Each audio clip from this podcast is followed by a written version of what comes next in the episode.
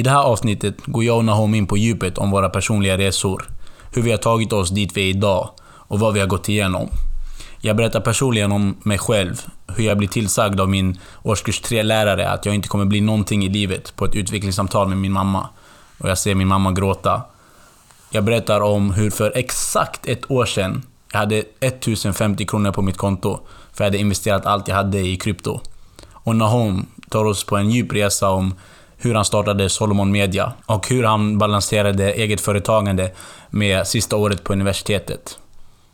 Allt i avsnitt två av Vilken väg?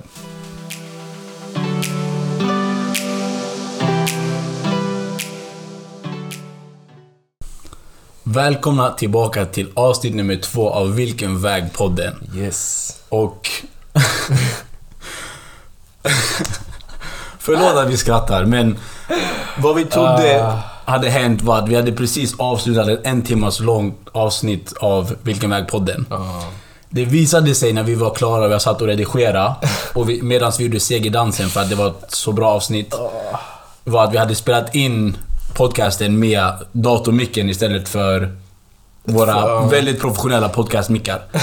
Och vi insåg att det var även podcast 1, eller avsnitt 1 som spelades in med datormicken. Så vi ber om ursäkt. Ja, det var... Det var lite frustrerande, men vi, det var kul. Det är sånt som Vi, händer. vi lärde oss faktiskt. Vi lärde oss, Vi lärde och- oss, vi lärde oss. Ehm, ja, det var lite roligt. Faktiskt. Alltså, jag, jag tänkte ju såhär, bara shit, första avsnittet, så här, kvaliteten var knas. Vad är det för mickar vi har? Så här. Ja, Det är ändå bra mickar där, det här är professionella mickar. Och så bara, har vi inte ens använt dem. Så det var lite roligt faktiskt. Roligt. Men eh, till dagens avsnitt, och innan vi ens börjar med det så vill vi verkligen tacka så enormt mycket för all kärlek vi har fått. Ja, faktiskt. Jag är djupt imponerad faktiskt för hur, hur, hur liksom bra respons man har fått alltså. Jag menar nu, häromdagen till exempel, jag träffade en gemensam vän till mig och dig. Mm. Och han var helt nyfiken på vad vi ska göra och så han, han, han, han har inte kopplat greppet riktigt kring... För han känner mig, men han känner inte dig riktigt sådär, han, vet, inte- han har aldrig kopplat riktigt vad du gör. Så att jag sa det bara, lyssna på den, det här kommer intressant. Ja, nej, nej, men samma sak här. Mm. Att vi insåg att okej, men innan, för vi kommer ha väldigt många gäster och tanken är att vi ska låta andra berätta om deras väg, vägval i livet och hur de har tagit sig dit de är. Men Mm. eftersom den här podden nådde till, ja, den nådde ut så mycket längre än vad vi trodde. Ja, det är random människor började skriva till mig. Precis. Och jag, jag trodde också bara till en början att ja, nära vänner kommer vara de som lyssnar på podden. Nej. Men det, det gick så långt att min mamma kom in till mitt rum och sa Allan, jag lyssnade på er podd och ni kommer lyckas. Jag har flippat faktiskt. Och det var, det var verkligen såhär, tack mamma. det var förmodligen min lilla syster som hade visat podden till henne. Men, eh, men så e- enormt tack faktiskt. Vi visste verkligen inte hur det här skulle gå om vi skulle sluta med två personer som lyssnade. Men eh, tusen tack. Och till dagens avsnitt så tänkte vi göra precis det. Det är många som inte riktigt vet vad det är vi gör och vi tänkte verkligen lägga ut alla korten på bordet och berätta om våran väg Ja. hur, vad, jag har, vad jag har för mig, vad jag har gjort i livet.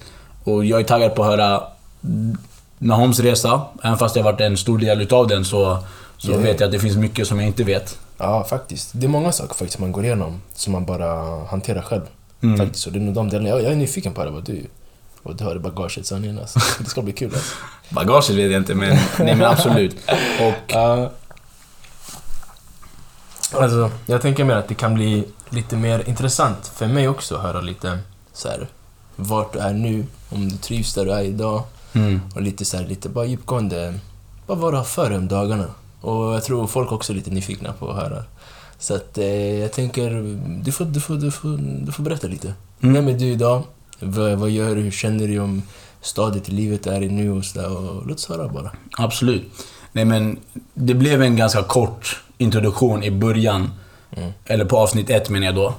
Och det var framförallt för att vi skulle, vi ville gå in på det här ämnet djupare. För att det är enkelt att säga okej men jag spelade fotboll, jag gick i skolan och nu jobbar jag. Men det finns en så mycket större bild Ja. av vad vi har gått igenom och vad vi har gjort. Som jag känner, ja, behövs tas upp. Ja, faktiskt. Och framförallt så tror jag att det spelar ingen roll vem vi skulle ha här som gäst. För som sagt, planen är ju att vi ska ha gäster. Oavsett om det vore Bill Gates eller en person som inte har något jobb eller en uteliggare. Så varje människas berättelse är unik. Och vi kan alltid ta lärdom av varenda människa. Oavsett om de är jätte, på pappret, successful eller inte har någonting. Ja. För alla har gått igenom någonting. Mm. Men Men börja, ta oss tillbaka. Li- Ta oss tillbaka lite om mig idag faktiskt, eh, för att svara på din fråga. Så jag heter Allan Akrawi. Mm. Eh, Jag är kurd. Mina eh, föräldrar föddes i Kurdistan och flydde hit eh, för x antal år sedan.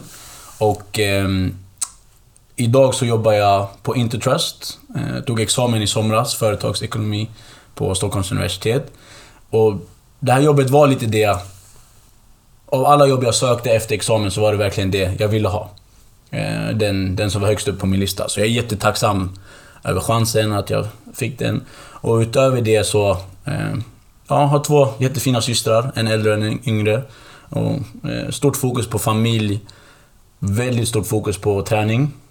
Eh, som du vet. Ja, för att vi kör ett gemensamt schema tillsammans. just det. Hur går det? Håller det eller? Jag håller det varje dag. Sex dagar i veckan. Ja, visst. Okej, Du starkt. Hur går det? Ja, jag är på det nu faktiskt. Ja. Jag hade en liten break där. Eh, Men nu är jag tillbaka så Ja. känns skönt. Eh, så, och utöver det så är jag väldigt insatt på inom krypto. Mm. Kryptovalutor eh, sedan flera år tillbaka. Och vad är kryptovalutor? För att hålla det så basic som möjligt. Och jag kommer gå in det, eh, på ämnet lite djupare under min, vad ska man säga, under min berättelse. Ja. Så det är digitala valutor, om jag får säga så. Digitala aktier. Och grejen med krypto och varför folk är så rädda för det, så är det för att de är väldigt volatila. Och vad är volatil? Jo, vad ska man säga? Priset går upp och ner väldigt snabbt. Så det är, det är hög risk att lägga sina pengar på dem. Vad heter det? Volatil? Volatil. Det är ett fett ord alltså. Lärde mig lite bra sanning. Det är det. Okej. Så det är därför... Och genom min berättelses gång så vill jag att man ska vara så öppen som möjligt. Eftersom det, det är just det jag har varit. Ni kommer förstå senare. Mm. Ja, Men, men okej. de är... De är ta, ta er tillbaka. Okej, ta oss tillbaka. Eh, nej men... Resan började i, eh, i Stockholm. Så jag föddes och eh, växte upp i Stockholm. Eh, I Kungsängen med mamma och pappa och eh, min stora syster. Ehm, och här måste jag säga att jag är evigt tacksam för det min mamma och pappa har gjort för oss. För mina systrar och mig. För att, att fly från ett land där man har sin... Tänk alla planer du har idag och allting du har byggt och din examen och... För att allt ska tas ifrån dig och du ska fly. Jag kan inte ens, alltså jag kan inte ens måla upp bilden för det är inte... Jag, det är inte begreppbart för mig. Nej, och, sen, Men att och sen göra det på alltså, ofrivilligt också. ofrivilligt, Det- helt påtvingat. Så att de tog sig hit och de har byggt det de har gjort är jag evigt tacksam för. Och det, oavsett hur långt jag än når i livet så kommer jag aldrig kunna mäta mig med vad de har gjort för oss. Så för de två människorna, det är mina förebilder i mitt liv. Okej. Och så med det sagt vill jag säga att vi har aldrig inte haft tillräckligt. Utan vi har haft mat på bordet, vi har haft tak över huvudet och vi har haft kläder på kroppen. Och det har varit tufft. Alltså, vi kommer från vad ska man säga, ödmjuka förhållanden men, men jag kan aldrig klaga. Och jag kommer aldrig klaga. Nej, det är fett faktiskt. Och det ligger lite i DNA att ja, men min pappa har jobbat sju dagar i veckan. Inte... Jag, ända sedan jag var liten. Mm. Han vaknar fem på morgonen, är ute till 17-18. Ja, det är fortfarande imponerande Fortfarande, alltså. ja. Jag svär. 17-18, ät inte frukost, ät ingen lunch. Allt det här som är så självklart för oss på en arbetsplats. Fika, pauser och lunch, gå och träna på lunchen och frukost och... ja, Det, det finns inte i min pappas värld. Så uh, ni kommer förstå det lite senare på min resa, men... Både från mamma och pappas håll, arbete har varit någonting som har legat i min ryggrad. Och det har gjort mig till den personen jag är idag. Så om jag tar tillbaka till en händelse som jag minns väldigt väl, är när jag gick i trean. Och det här är en ganska sjuk berättelse. Och den har, den har format mig och, eh, ja, ganska ordentligt. Okej. För att, så här. Jag och min mamma hade ett utvecklingssamtal, eller kvartssamtal som det hette på den tiden. En åttaårig Allan som gick i trean sitter på ett utvecklingssamtal. Och... Ja, halvvägs i utvecklingssamtalet så ber läraren mig, Ann-Sofie då, att gå ut. Så Allan ursäkta, kan jag, jag behöver bara prata lite med din mamma. Och bara det är fel. Jag har varit på flera utvecklingssamtal och ingen har någonsin bett mig gå ut ur rummet för att de ska prata. Nej, då. Då är det någonting illa. Ja. Så jag går ut, väntar där ute några minuter och kommer tillbaka. Och jag ser direkt på min mammas ansikte att någonting är fel. Så, så då säger Ann-Sofie att Allan, du har aldrig haft någon akademisk... Du är en smart kille. Men om du fortsätter så här så kommer du hamna väldigt fel i livet. Så hon menar då att jag hade sociala problem. Mm. Jag kunde inte uppföra mig, jag... Ja. Jag var bara en stökig unge. Mm. Och som mamma, att sitta och få höra sådär, sånt där om sin son. Det var tufft för henne. Så på vägen hem från utvecklingssamtalet så grät hon. Knas. Och det var den värsta känslan i mitt liv. Att hon... Att jag hade fått min mamma att gråta var någonting jag bestämde att jag skulle aldrig få det att hända igen. Så från och med den dagen i trean, en åttaårig Allan, bestämde han sig för att lyssna. Jag kommer aldrig igen få min mamma att känna så här. Och jag kände ilska mot Ann-Sofie för att hon sa att jag, ja, hon sa bokstavligt talat att jag kommer inte lyckas. Ja. Så från den dagen, och vi har, vi har betyg på det, eller vi har... Alltså vi har mina läxor, jag bestämde mig för att jag kommer... Från och med den här dagen kommer jag bara få toppbetyg. Jag kommer skärpa mig i skolan, jag kommer vara ordentlig. Och ända sedan dess så har det nästan varit så. Mm. Så jag, jag har aldrig haft svårt för skolan. Jag hade enkelt för siffror och jag hade... Jag, hade, jag har haft bra minne under ett långt tag och... Det var... Det var någonting som skapade mig. Mm. Gjorde mig att jag ville att Ann-Sofie, framförallt att min mamma inte skulle känna sådär om sin son och att Ann-Sofie skulle få äta upp sina ord. Hon sa att jag kommer aldrig lyckas i mitt liv. Så det var någonting som jag kommer ihåg ganska starkt. Om vi spolar, till, nej, om vi spolar, tillbaka, om vi spolar fram några år från den perioden. Som 18-åring hade jag, och det beskriver ganska mig som karaktär ganska bra. För att jag är en väldigt 100% eller ingenting alls. Och det var jag med fotbollen. Så jag kunde... Jag ville verkligen bli Zlatan. Och jag kunde vakna sex på morgonen, ut och träna, köra dubbelpass. Jag ville verkligen bli Zlatan. Och även fast jag ser tillbaka på den perioden och inte blev Zlatan, så inser... Så tycker jag någonting som var väldigt fint var att eh, jag fick åka och träna med Juventus. För, Just det. Ja, det var rätt sjukt. Ja. Nej, men jag vann en tävling med Adidas.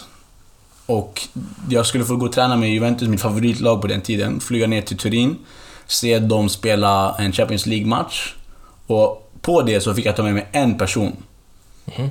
Då satt jag där som 18 okej men vem ska jag ta med? Ska jag ta med min syster? Ska jag ta med min mamma? Ska jag ta med någon vän? Någon tjej?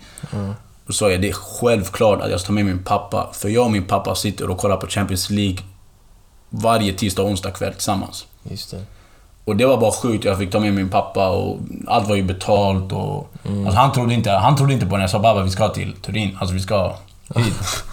så, så han trodde inte på mig när jag sa det. Men, men det var sjukt att det hände och det är någonting som jag alltid... Att kunna ge tillbaka till min pappa och bara allmänt med fotboll. För det var, det var våran grej liksom. Eh, Det tycker jag är jättefint. Ja, det är fett faktiskt. Ja. Men jag kan säga att allt det, ro, allt det händelserika hände när jag var runt 18, 19, 20. Så från gymnasiet så började jag direkt plugga, plugga eh, på universitet, företagsekonomi. Så jag tog inget sabbatsår eller... Utan jag gick direkt på universitetet.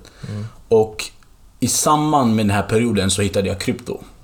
Och det var via en gemensam vän, inte gemensam, förlåt. En, genom en, en vän som tipsade mig och jag vet att jag bara snappade upp det och fattade, vad fan är det för något? Vad är det här för någonting? Det är någonting jag aldrig hört tidigare.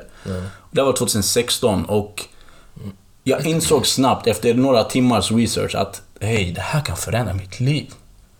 Vilket var rätt sjukt. Så tidigt alltså? Alltså som 19-åring. Och efter några veckors, efter några månaders research, satte mig in, investerade lite, så insåg jag att hej. Och jag vet inte om du kommer ihåg det, men 2017 var det året då, alltså framförallt bitcoin flög. Jag minns bro, jag minns. Alltså det var överallt, det var på nyheter, ja. folk pratade om det, alltså det var verkligen överallt. Vet du vad jag minns bäst om det här då? Vadå? Det är typ ett år efter det här så mådde jag bajs. För jag bara, alltså vet, jag hörde lite om det men jag Ja. tänkte äh. Och så hörde jag hur bra det gick för efter, Ja. typ ett år efter. Och jag bara, Och det, det är lite om mänsklig psykologi som vi kommer in, som drabbade mig också väldigt hårt. Mm. För som 19-åring så såg jag en stor summa pengar som... Ja, som en 19-åring kanske inte skulle ha vanligtvis från Mm. ett jobb. Och i samband med det 2017-2018 så slutade jag på fotboll för kärleken dog. Jag kunde bara hitta mig själv, komma sent till träningar, inte dyka upp, lalla. Och det är absolut inte hur jag är som person. Utan när jag verkligen älskar någonting då gör jag det till 100%. Och då förstod jag att jag kanske inte älskar den här sporten längre. Wow. Så i samband med att jag slutade fotbollen, började, eller ja, jag var mitt under plugget. Så tillbaka till det här, om ni kommer ihåg vad jag nämnde om min pappa, alltså hans arbetsmoral som sitter i min ryggrad. Så tog jag ändå tre jobb.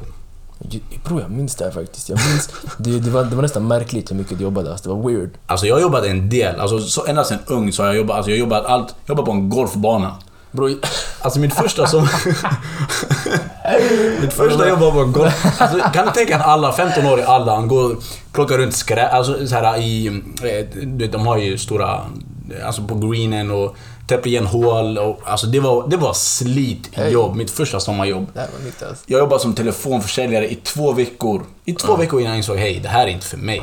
Shit. Så det var bara, jag, jag har varit lite överallt. Men som 19-åring, speciellt 2017 då. Och det är många som inte vet, men när man gör lite pengar på kort tid och speciellt i... Alltså, tänk så här nu. Tänk dig i det här scenariot att... Vi, låt oss leka med siffror att på en krona så har du gjort 10 000 kronor. Mhm.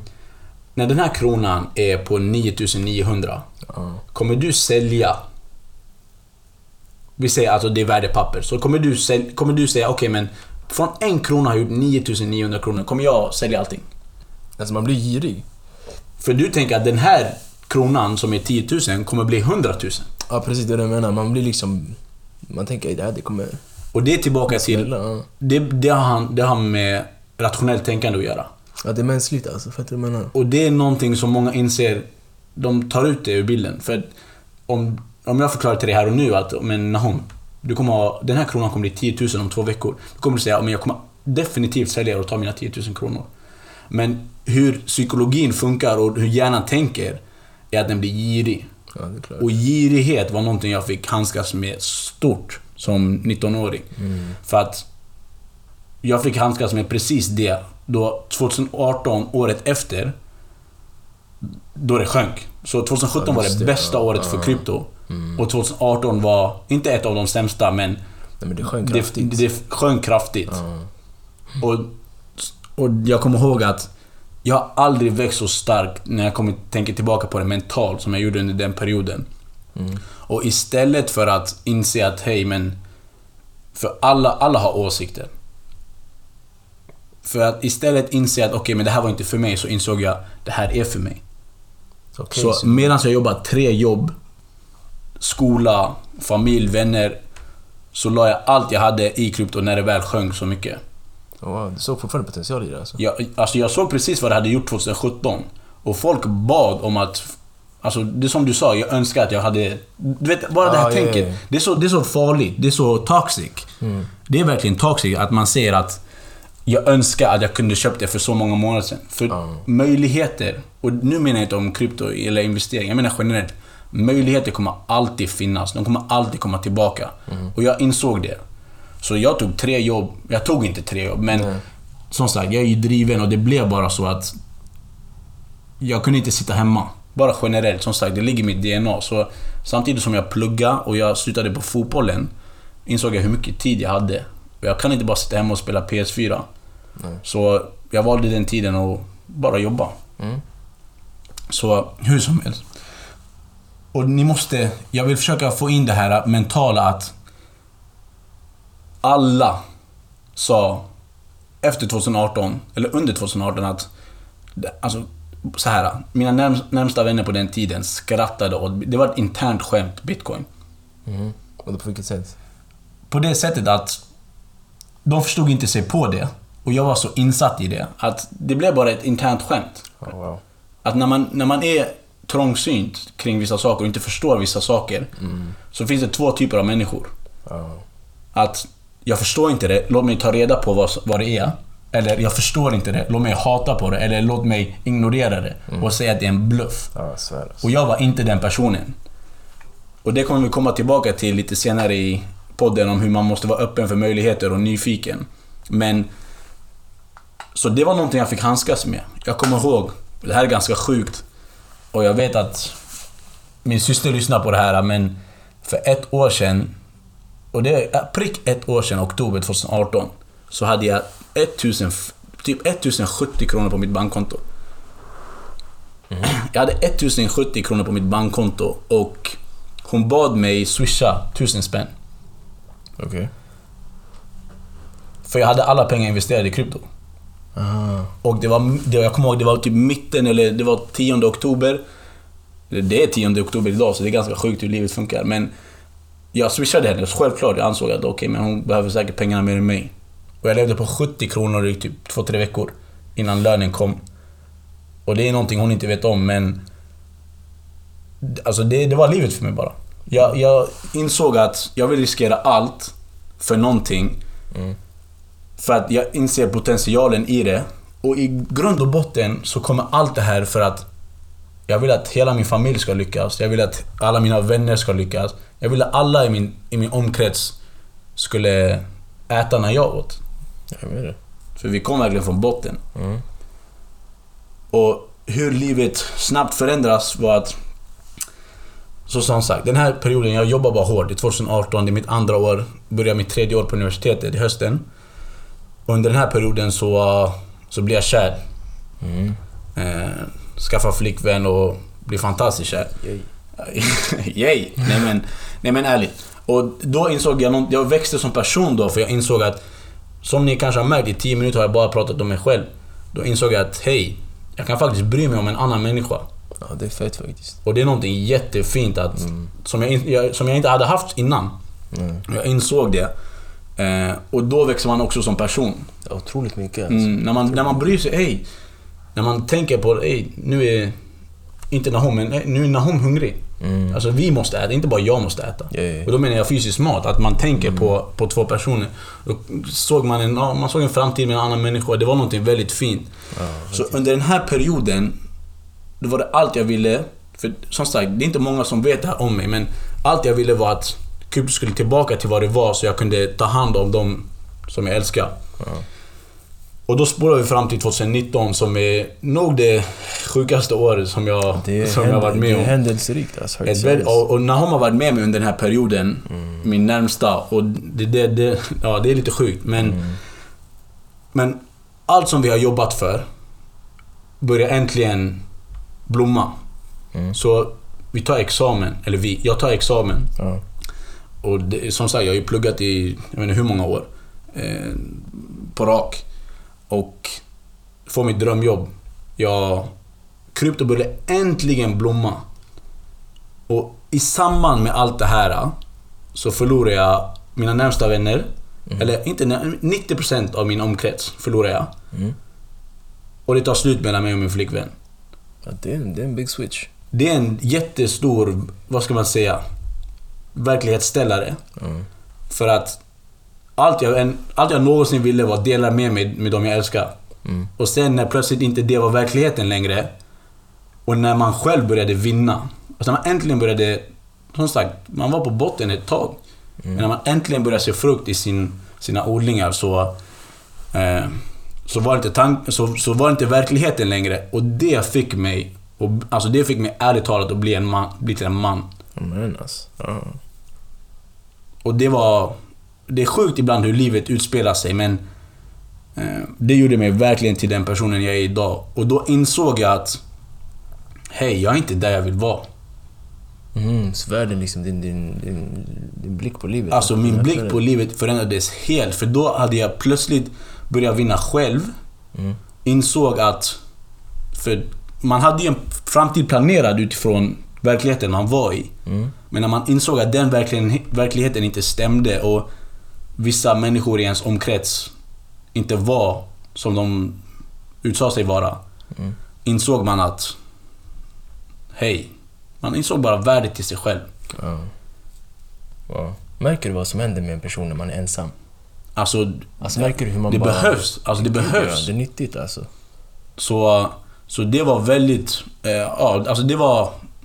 Det var en riktig omställare och... Jag kan säga idag att det är sjukt. Alltså det... Ja, jag vet inte. Jag kan personligen, som sagt, jag har inte varit där Mm. från way back. Och jag har sett liksom så här, hur olika stadier i ditt liv har alltså, format dig till, till den du är idag. Förstår Mm. du? Alltså, så här, du har gått igenom någonting och jag har sett att du har lärt dig saker alltså, så här, Mm. från, från händelser som har skett. Förstår du? Så att det, det har varit givande på något sätt för dig. Även fast du själv inte sett det kanske på rak arm, men du vet, det har varit otroligt givande. Liksom. Så att, ja, att gå igenom någonting, det är inte bara liksom det är inte bara negativt, det finns liksom ljuset i Det finns ljuset i liksom. tunneln. Och Ja. bara allmänt när jag tittar tillbaka på allt som har hänt så var det att... Att... Det var så psykologiskt. Det gjorde mig så mentalt starkt, stark eftersom att under flera års tid göra någonting som bokstavligt talat alla antingen skrattar åt eller avråder dig från att göra. Ta risker och... Bara allmänt, bara att, att tro. Be till Gud och tro på en sak. Mm. Och göra det oavsett vad någon annan tycker och känner.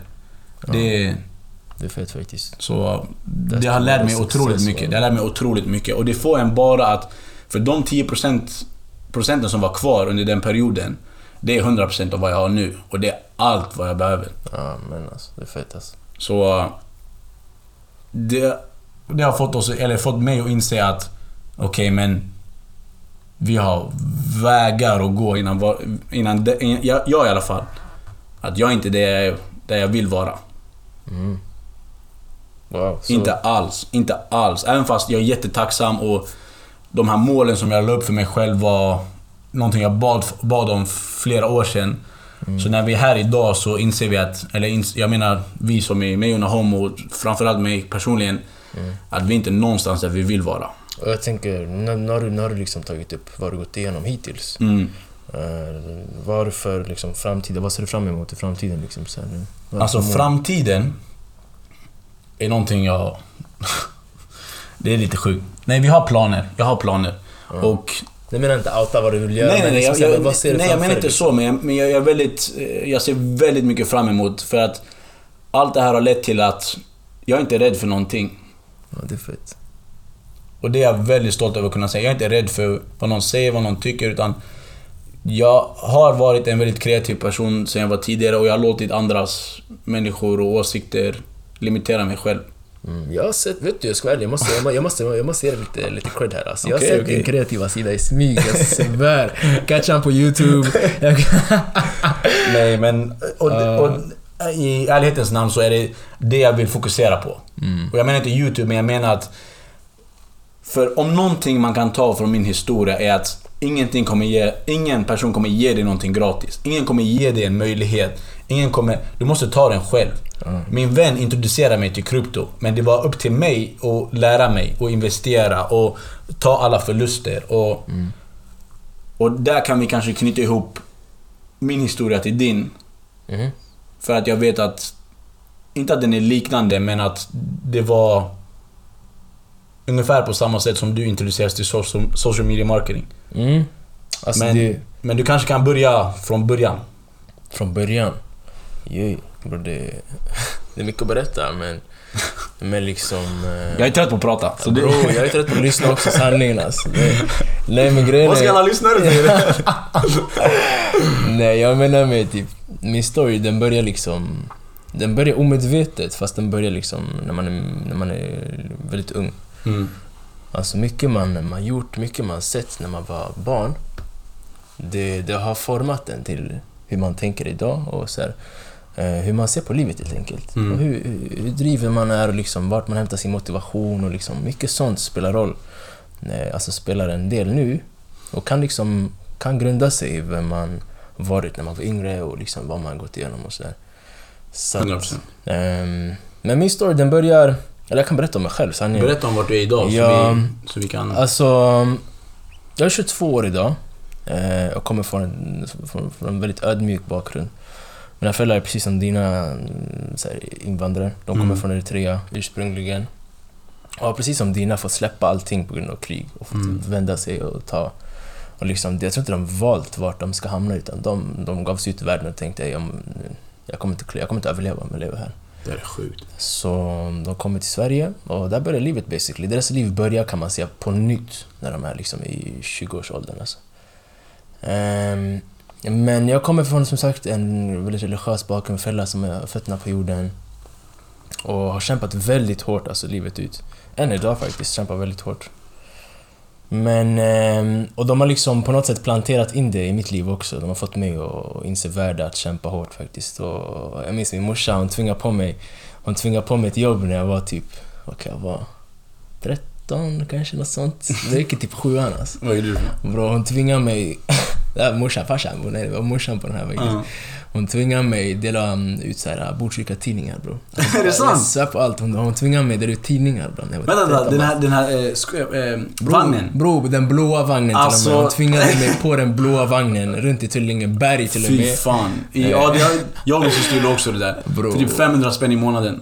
Ja, bro, de var snälla med 500 för dig bro. Är det för sant? mig bro, jag tror man Jag betalade kanske men- 40 spänn timmen eller någonting. Ja, Alltså extremt. ja. Det var child abuse. Nej, vi kom från botten alltså. Ja, det var knas, det var knas, det var knas. Så jag minns om, om jag fick börja jobba tidigt. Ja, Hon ville liksom, eller mina föräldrar båda två ville liksom att det skulle se värde i att jobba hårt. Mm. Så jag minns jag klagade sönder för att jobba när jag var 13 bara. Så jag bara, bro, jag bara spela FIFA och du vet, spela boll och så. Men hon tvingade mig jobba bro, varje lördag. Jag gick ut och ut tidningar typ, ja, det var, det var, jag vill inte säga några månader ens för jag hoppade av sanningen. Vet du vad vi gjorde? Ja.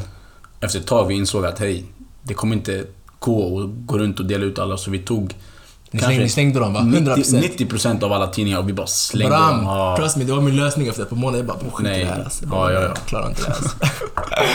Nej men så jag började jobba när jag var 13. Och det har hållit kvar faktiskt. Eh, Så omedvetet, eh, liksom alla olika kompisklick och olika umgängen man har haft. Jag har alltid varit den som jobbat väldigt tidigt. Och när, när mina människor, eller folk som jag umgicks med, började liksom komma in i det här. När de blev gamla nog och tänkte att jag måste börja jobba och så vidare. Då kanske jag liksom jag hade två jobb, hängde med? Så det, var, det var lite i såna banor jag var på när jag var yngre. Um, och det har legat kvar lite, den här arbetsmoralen kopplad till att jobba hårt och liksom så här, i alla områden i livet. Alltså vare sig det är alltså i skolan eller liksom, vare sig det är alltså, så här, små grejer liksom. Så här, jag har liksom legat i. Så att jag började gymnasiet och jobbade lite på sidan eh, under gymnasiet. Eh, och det resulterade till att jag, jag skötte mig i skolan, jag hade lite struktur på mitt liv. Jag gick till skolan. Eh, var, inte, det- var inte en toppelev kan man säga. Jag var lite såhär, inte en i mängden, men jag skötte mig helt enkelt. Jag var inte dålig, jag var inte bra. Jag var däremellan kan man säga, Mm. till en början. Eh, och sen min sista år på gymnasiet, då jag minns jag, jag, jag, jag, jag, tänkte ju obviously någon gång jag behöver landa en universitetsutbildning. Så jag la i lite en extra växel och samlade på mig lite betyg och det resulterade till, att, alltså till och med att jag... Det resulterade till att jag liksom kom in på universitet och jag stod med ett val där och tänkte ska ska jag plugga eller vad ska jag inte? Och jag minns... Ja, jag sökte mig till eh, universitet utanför Stockholm och mm, kom in på en utbildning i Gävle. Och jag började plugga där basically, men jag tänkte liksom, det här var ju typ... Jag hade det i huvudet att så här, ja, men typ, jag måste plugga någon gång, men jag tänkte inte att jag ska ta tag i det direkt efter gymnasiet. Jag bara, nej, det är inte för mig. Jag kommer säkert jobba lite, resa och så här, kanske köpa mig lite fina grejer och bara chilla liksom i några, i några år och sen ska när, när jag känner mig liksom så här, okay, nu är jag trött på livet, eller nu är jag trött på där jag är i livet, då ska jag börja plugga. Det var min plan. Men jag minns jag åkte till Cypern med mina grabbar. Och sen eh, när jag kom hem så kom jag hem till att du är antagen till ja, det här. Och jag bara... Det var en skillnad att prata om det, men sen när jag såg den där gröna lilla pjom, då... Mm. Jag bara, men det, det, kanske, är- det kanske är en plan ändå. Så på typ en vecka så bestämmer jag mig för att jag, vet vad, jag ska ta tag i det här och flytta från Stockholm. För jag minns i den perioden också, det var lite, så här, det var lite tumult, det var lite, så här, lite överallt i mitt liv. Och jag bara, det här kan vara en skön så här, start på nytt. För jag minns mina föräldrar var lite oroliga vad jag skulle göra med livet och så, du vet, allting baserades på Acer, det var oklart. Och jag bara, men det här kan vara en, en, en skön plan där jag liksom får starta om på nytt och ta tag i liksom, studier och whatever. Så jag gör det. Så jag gör det och jag flyttar till, jag flyttar till Gävle som sagt och där, där står jag med ett val på något sätt innan jag trycker på antagen att ska jag, ska jag hoppa mig ut i en stad där jag inte känner någon och bara ta hand om mig själv basically och bara slippa bara hoppa ur min comfort zone helt enkelt. Och jag ville göra det till slut. Ehm, och en av mina bästa vänner idag faktiskt, han, ehm, han pluggade där redan då. Så jag, vet, jag hade någon i alla fall att vända mig till. Gibbe, ja exakt. Shoutout till Gibbe. Shoutout till Gibka, alltså. Så eh, det blir liksom att jag är i en stad, men fr- alltså, i grund och botten till det hela liksom så är jag för mig själv. Jag tar, alltså, allt det bekväma tas ifrån mig. Alltså, allt ifrån inkomstkällor till, eller främst, fa- främst nära och kära liksom så här, familjen och mina vänner, det är, liksom, det är, det är några timmar bort ifrån mig liksom, och där, där får jag bo helt enkelt och ta hand om mig själv. Och det, det gör otroligt mycket med mig faktiskt. Men eh, i samband med det så, så minns jag liksom att jag, jag som sagt, jag började, jag började livet på nytt kan man säga. Ehm, och det som händer är att liksom efter typ två års tid av att bara plugga och jobba lite så här och det gör att man, jag blir väldigt bekväm. Väldigt bekväm i min livsstil och jag trivs helt enkelt i där jag är i livet. Alltså lite, lite, det blir nästan farligt. Mm. Alltså, På så vilket sätt? Minns, nej men jag minns, vet, så här, jag minns jag, jag träffade någon under den tiden och jag var väldigt bekväm i, så här, hur livet bara var. Alltså, så här, allting flöt på bra och jag var inte sugen på att ändra mitt liv på något sätt. Jag bara, det här är nice. Och, alltså det finns ju för och nackdelar med det där liksom. För att till slut händer det liksom att så här, efter, två, ja, efter två års tid, jag kommer in på mitt sista år eh, på utbildningen och jag tänker så att det, det händer mycket grejer liksom. Så här, jag, jag, blir liksom, jag, jag går ur den här relationen, eh, liksom, mycket händer hemma och liksom Alltså jag har liksom två val i det här. Att antingen så väljer jag att liksom lägga min energi på någonting som är produktivt och liksom kan gynna mig. Eller så, så liksom väljer jag att bara acceptera livet som det är. Jag ska bara ta min examen och börja jobba och liksom så här bara, bara vara. Hur kan du säga att den här relationen påverkar dig? Eh, alltså du vet, man, man lägger ju så otroligt mycket alltså omedveten energi på, på en person när man väl träffar dem. Liksom. Och den energin valde jag liksom att lägga på helt enkelt business. Alltså det är inte svårare än så. Alltså, så här, jag valde att bara göra en 360 i livet. Och bara, vet du vad? Jag måste, jag måste, jag måste liksom bli motiverad nog över så här, hur jag ska spendera min energi. Vilket är fint, måste man säga. Att det är jättefint att älska någon och bli älskad. Men, som du säger är att man lägger in väldigt mycket energi på den personen. Mm. Alltså, i, om man är seriös, vilket Mm. antar att ni var och Ja, ja. också var. Absolut. Alltså så här, du vet, omedvetet tror jag nog att man gör det liksom så här. Alltså omedvetet så det blir liksom så att man, man, man, man spenderar liksom resterande tankar som inte är på, på, på jobb eller på, på Skolan. skola och liksom Mm. allt vad det är. Det, lägger man ju på personer man älskar basically. Och när det... När man liksom flippar och man går ur en sån relation, den energin man lägger på varandra kan istället läggas på någonting, på din kreativitet helt enkelt.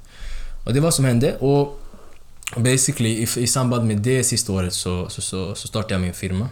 Jag kom i kontakt med en person, eh, med en vän till mig faktiskt, eh, som introducerar det här med social media marketing. Han är inne i det och liksom, han, han, han berättar sin story om hur han liksom hoppade av gymnasiet och flyttade till LA och du vet, jag blev fett inspirerad bara om att så här, shit, det var en, that's a big move. Och det slutade otroligt bra för honom. Liksom. Jag kunde se det på hans liv bara allmänt, hur, hur glad han var över vart han var i livet och hur motiverad och hur bra det gick för hans firma själv. Och liksom, du vet, allting bara flöt på. Och, du vet, jag valde på något sätt att, att eh, lära mig. Förstår du? Satan, Jag var, jag var öppen som sagt för att jag vill starta en business. Och jag vill hitta min väg i liksom så här, vart jag vill... Alltså vart jag kan liksom så etablera en business basically. Vart är det behov på marknaden och så allt vad det är. Eh, och det slutade med att jag går, han introducerade mig till en utbildning hos en kille som heter Ty Lopez. Otroligt bra utbildning faktiskt. Jag rekommenderar den starkt eh, till alla där ute som är sugna på att starta en firma inom marknadsföring. Han är en stor ikon inom... Ja, ja, gud, jättestor till kille med faktiskt. jag, till och med jag känner till honom. Ja, och vet du, jag måste faktiskt ge en, ge en big shoutout till Filip här borta. Alltså min Ja. kille, min grabb, som faktiskt eh, är med i nätverk nu med honom. Och det är fett.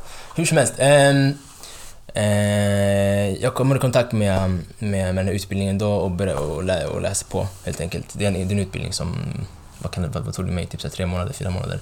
Att lära mig hur det funkar att starta en business och liksom hur, hur att driva den, hur du attraherar kunder, hur du hanterar dina kunder. Liksom så här, allmänt vad du gör med den här plattformen som du skapar dig själv. Um, och det gynnar, det går ganska bra liksom till en början. allting flyter på. I samband med det så, jag är på sista året i, på, på min utbildning och liksom jag bollar tillsammans med, med firman, så bollar jag liksom examensarbete och allt vad det är.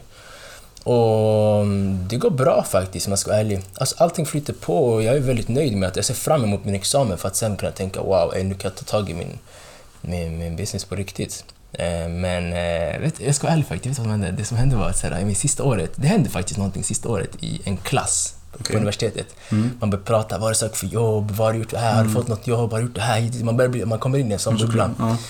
Eh, och jag minns, jag tänkte, vet, i mitt huvud, jag tänkte nej, jag ska nog satsa på företagande till 100%. Det var min plan, alltså typ i, jag vet inte hur länge.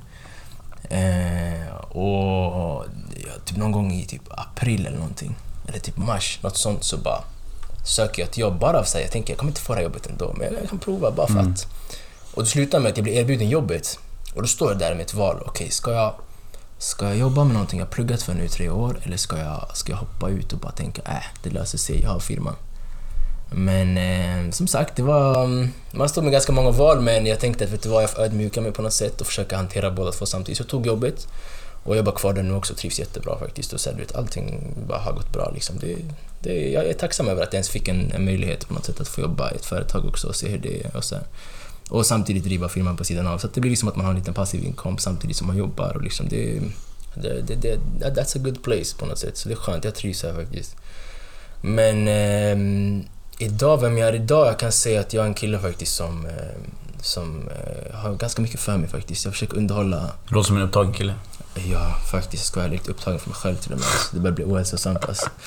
Men eh, jag försöker, få alltså, jag försöker få det att snurra på något sätt. Samtidigt som jag försöker liksom hålla mig ödmjuk, liksom, så här, hänga i kyrkan ganska mycket och Mm. så här, försöka växa i det också. Och det är nice. Det är basically vem jag är idag och så här, hur mitt liv sett ut och hur det liksom har vänt och vridits på i liksom ett tag nu. Och, och det, det, det är basically vem jag är idag kan man säga. Mm. Och det, det är ju sjukt, för jag har ju sett dig blomma, om man får säga så. Men vi har ju sett varandra gå igenom både highs and lows under de här perioderna. Så vi har verkligen varit tillsammans under de här eh, goda och dåliga perioderna. Och det har varit... Eh, för vi har... Jag vill inte säga lyckats, men det börjar gå bra för oss båda två under samma period. Mm. Och jag kan säga att vi har en väldigt liknande historia i form av att bara det här mentala tänket som jag vill att ni öppnar, eller ni lyssnare ska försöka ta er ta med er Ja. från den här podden med att det finns två typ, olika typer av människor. Mm. Om man får lägga det svart på vitt. För jag och Nahom fick båda en möjlighet presenterad för oss. Och vi valde att två människor. En ser krypto eller social media marketing och förstår sig inte på det. Och säger det är en bluff, man kan inte göra pengar och det är ingenting jag vill hålla på med. Mm. Den andra personen säger okej, men vänta. Det kan vara någonting. Låt mig åtminstone lägga en timme på min dag eller Låt mig ta reda på hur det funkar i alla fall innan jag tar ett beslut. Och den öppenheten och den... Så ska man vara. För alla möjligheter. Mm. Absolut. För att om inte du hade tagit den chansen Ja. och i alla fall lärt dig, då hade du inte varit här idag. Nej, och det är nog det. Alltså så att ut. Jag känner nu att eh, det är liksom... Det är otroligt givande bara att vara open-minded för saker och ting. Och liksom, det känns verkligen som att man går miste om saker när du, när du väljer att stänga dina öron och stänga ditt... Alltså hur, hur du ser på saker och ting bara. Men nu när vi ändå hört ehm, lite om, om, om storyn här. ehm, The story. The om- journey. Ja, the journey, exakt. Har du, några- har du några tips om så här, har du några tips till en yngre version av Allan? En yngre version av Allan. Mm. Alltså någonting jag skulle ge mig själv är att vikten av att vara nyfiken. Okej. För att jag tror nyfikenhet är allt som krävs. Det enda som krävs för att man ska kunna hitta möjligheter. Mm. För när man är öppen och när man är nyfiken och när man vill hitta och när man vill prata och när man ställer frågor. Det är då möjligheter kommer komma. Och när det väl kommer, då får man som steg två då välja att jobba hårt. Mm. Välja att sätta sig in i vissa saker. Och allt som krävs är bara några Google-sök och man inser att hej, det här är någonting jag vill göra. Eller det här kanske inte var för mig. Så om man känner sig som man inte har sin grej, och jag vet att det är många som, som inte har hittat den än. Nej. Så genom att vara nyfiken och öppen så kan man hitta det. Och jag är blessed som... Jag hittade min grej ganska tidigt för att jag var nyfiken. Och det gjorde du också. Mm. Faktiskt. Så uh, det tycker jag absolut att man ska. Och utöver det, bara allmänt social och trevlig. Alltså man kommer komma så långt. Man, det finns inga hemligheter. Nej, faktiskt. Och det här med nyfikenhet allmänt bara, att våga. För innerst inne, jag tror, jag tror att människa i världen är nyfiken. Mm. Jag tror det. Att våga använda sig av det och så här, vet, på ett ödmjukt sätt vet, Mm. ta reda på hur gör man det här, eller vad, Mm. vad kan man göra. Det, det, kan vara, det är ett vinnande koncept, jag svär. Det är det faktiskt. Det är det på riktigt. Mm. Har du någonting? Ett tips. Ett tips till den lite yngre versionen av Den yngre versionen av Naham, han, uff, vad ska han få för tips? Eh, Ödmjuka dig bro. mm. Ödmjuka dig i tuffa situationer alltså, faktiskt. För personligen, som, när någonting händer i mitt liv, så, så här, jag har bara en tendens av att det bubblar i min kropp. kopplar du? Jag vill Mm. göra det nu, idag. Jag också. du? Likadan. Och liksom kunna ödmjuka mig, att så här, embrace vart jag är i livet. Så här, eh, embrace, bara allmänt så här, bara ta till det av att okej, det händer. Tänk innan du gör. Och liksom agera. Och det är faktiskt jag, det är någonting jag vill lyfta faktiskt, att embrace vart man är i livet. Att bara uppskatta den, den, den tiden du är i just nu, i Mm. ditt liv liksom. Så att liksom, det, jag, kan, jag kan faktiskt prata om så många stories eller många, många livsstilar som jag kan se på distans, som jag kan se på nära håll också. Där, där det är många som försöker keep up med en livsstil som, som de själva inte är i. Liksom, här. Och det kan bero på att folk påverkas otroligt mycket mer idag utav varandra. Eh, för att det ligger så nära intill. Jag menar, liksom, sociala medier styr i princip världen. Alltså indirekt. Och jag menar bara för att man ser någon annan eller bara för att man får höra att någon nära vän kanske mår så här eller köper det här eller gör det här eller lever så här på allmänt betyder inte att du själv är där och att du måste keep up. Och det tror jag många går back på. Liksom. Så För till exempel, det här är, det här är nog en typisk, eh, typisk livsscenario där det liksom, låt oss säga att man är ett klick på fyra personer och två av de här fyra de har liksom haft, de, de, de, de, de har haft tur nog att kunna blomma tidigt. De är typ 21 och de, är liksom, de lever life, de har väldigt sköna inkomstkällor, de har liksom byggt upp någonting fint. Och de, har liksom, de är på en bra plats i livet. Och deras livsstil består av kanske resa mycket och liksom de, har, de köper massa lägenheter överallt och liksom de, de gör mycket med sitt liv. Medan de andra två i det här klicket på fyra, eh, kanske typ, vad vet jag, de kanske är studenter. Och de kanske är på väg att vet, blomma men de väljer att påverkas så hårt av det här, äh, av att deras vänner, okay, de rör sig framåt i livet, jag måste keep up. Att de går back i slutet av dagen för att de försöker, de liksom, de liksom lägger, för att det man inte tänker på är att de här som blommar tidigt, det kommer inte på en dag, hänger du med? De har liksom haft en tid av kneg och sen har de liksom, förstår du vad jag menar? Om de inte vill på Lotto eller du fattar vad jag menar. Um, så att, att kunna embrace att jag är här och bara brösta att okej, vet du vad, jag kanske inte ska gå ut eh, fem gånger i månaden varje helg liksom så här, och bara liksom våga säga att liksom så här, nej, nej jag kan inte. Och kanske gå ut för någon gång, för, för, för men förstår du vad jag menar vart jag försöker komma liksom, att bara embrace vart man är i livet och bara uppskatta vart man är. Du student, må bäst som student och gör det, bä- alltså gör det bra bara sanningen. Mm. Så det skulle jag ge för tips faktiskt. Jag tror på någonting som en fin linje mellan tacksamhet och hunger.